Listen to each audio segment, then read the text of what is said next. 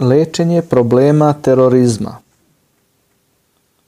Jedan od problema koji narušava sigurnost i globalnu stabilnost jeste terorizam i zaplašivanje onih kojima je garantovan mir, napad na ljudske živote i imetke. Terorizam je svetski problem koji nije specifičan samo za neku zajednicu, narod ili veru. Poslanik mir nad njim se borio protiv ovog problema na više načina. Prvi način. Ukazivao je na svetost i metaka, krvi i života, te na opasnost bespravnog napada na njih. On je kazao, doista su vaša krv i imetak sveti, kao što je svet ovaj dan u ovome svetom mesecu i u ovoj svetoj zemlji. I rekao je, doći će ubijeni sa svojim ubicom na sudnjem danu, držeći ga za njegovu kiku i glavu, a iz njegovih vena teče krv, pa će kazati, gospodaru, pitaj ovog, zbog čega me je ubio.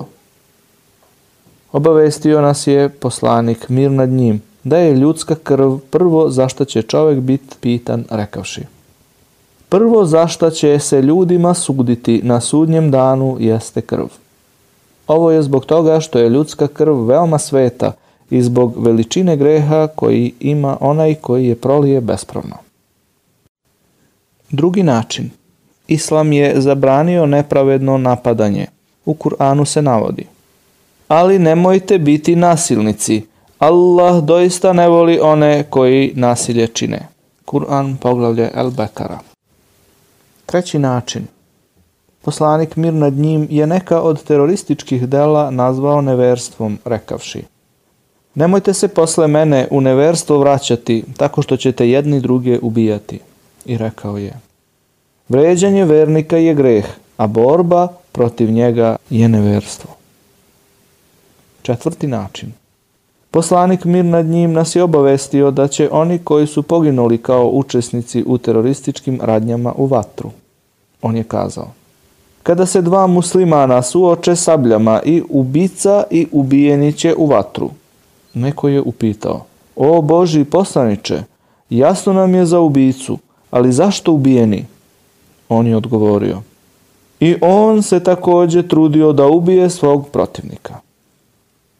Peti način.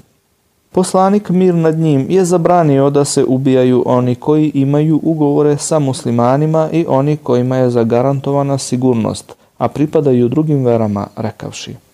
Ko ubije nemuslimana koji ima ugovor sa muslimanom, neće osjetiti miris raja, a njegov miris se osjeća na razdaljini od 40 godina hoda.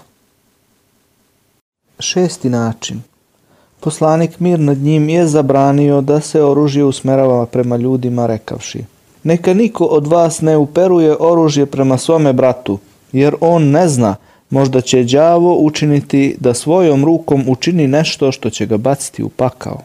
I rekao je, kada musliman okrene oružje prema svome bratu muslimanu, anđeli ga proklinju sve dok oružje ne ostavi. I rekao je, ko na nas digne oružje, ne pripada nama. Sedmi način. Poslanik, mir nad njim, je zabranio izdaju i prevaru, pa čak i u ophođenju sa nevernikom, rekavši. Svaki izdajnik će na sudnjem danu imati zastavu po kojoj će biti prepoznatljiv.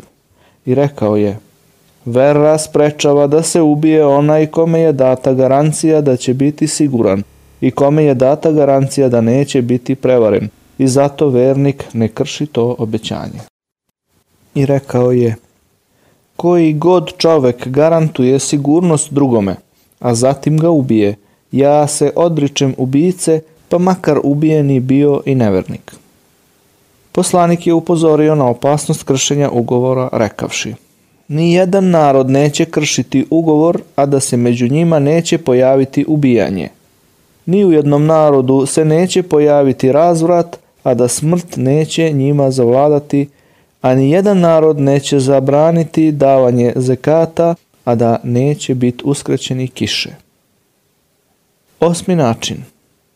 Poslanik mir nad njim je zabranio zaplašivanje ljudi bespravno rekavši Nijednom čoveku nije dozvoljeno da plaši muslimana. Deveti način. Poslanik mir nad njim nam je pojasnio da je sigurnost blagodat. On je kazao, ko od vas osvane siguran u svojoj kući, u zdravlju i sa hranom za jedan dan, kao da mu je podaren ceo svet sa njegovim riznicama. U Kur'anu se spominje da je Allah podario vernicima blagodat sigurnosti kada je kazao Zar ne vide da smo harem svetimi i bezbednim učinili dok se svuda oko njih otima i pljačka i zar u laž veruju, a na Allahovim blagodatima su nezahvalni. Kur'an, poglavlje El Ankebut. I rekao je, neka se oni gospodaru ovoga hrama klanjaju, koji ih gladne hrani i od straha brani. Kur'an, poglavlje Kurejš. Deseti način. Poslanik mir nad njim je posticao na samilost prema stvorenjima kazavši Onima koji su milosrdni smilovat će se milostivi. Budite milostivi prema onima koji su na zemlji, pa će vam se smilovati onaj koji je na nebesima.